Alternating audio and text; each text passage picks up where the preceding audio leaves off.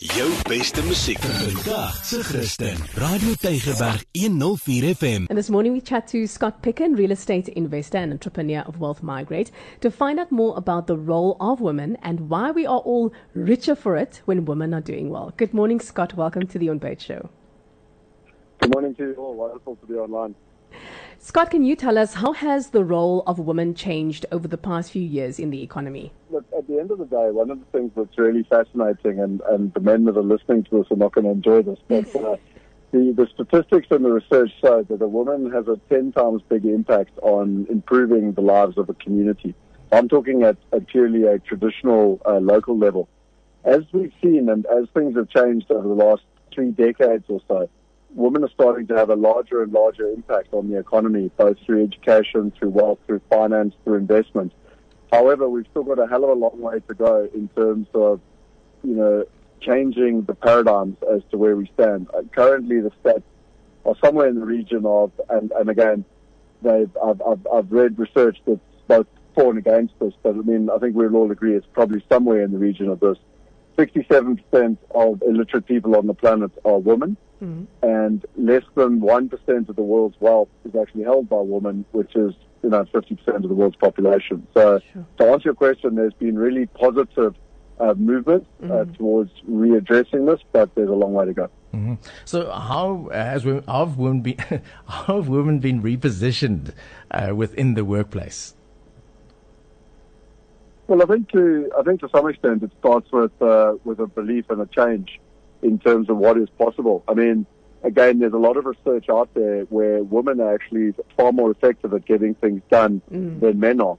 I know in our own business we've actively um, aimed to get women in, into positions of leadership because they have a much better ability at understanding how ecosystems work. The other thing that I think is really important is that there's been a significant shift from the 20th century to the 21st century between a, a, an, a, an area of competition, I'm going to call it Donald, Donald Trump style of leadership, mm-hmm. due uh, through to collaboration, which is much more the Sheryl Sandberg, you know, the lady that's um, so powerful at Facebook, which is all about collaboration and working together. And so, to answer your question, it's not only the dynamic of men and women, but it's actually the dynamic of masculine energy, mm. which is kind of eat or be eaten, and feminine energy, which is work together for the greater good. Mm. Um, Scott, in terms of opportunities for women moving forward, what do you see currently happening, or where do you see things going in the next few years? I think there's a billion dollar opportunity plus in the women's sector, and, and really why, why I say that is because the research around the world is fascinating. If you look at the finance industry, it's a very male dominated industry. Mm. I mean, it's mm. very, very seldom that you'll meet a female financial advisor, as an example. And yet, with, with the advent of technology, and again, COVID has accelerated uh, the digital adoption by five to ten years, there's going to be a massive uh, explosion of of um, wealth within the within the women's sector, and that's going to involve education, that's going to involve access, that's going to involve management.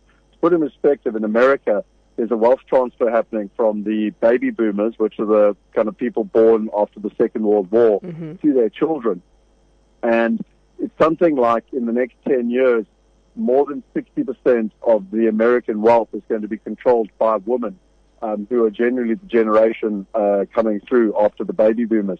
So I think there's going to be a significant change, and with that, there's also going to be a significant change in investment strategy because they're going to go for things that are far more sustainable. You know, things like ESGs are very popular at the moment, which are you know all around the environment, um, mm. sustainability, and governance. And I think there's going to be a massive shift, um, which is going to be positive for the world. Amazing.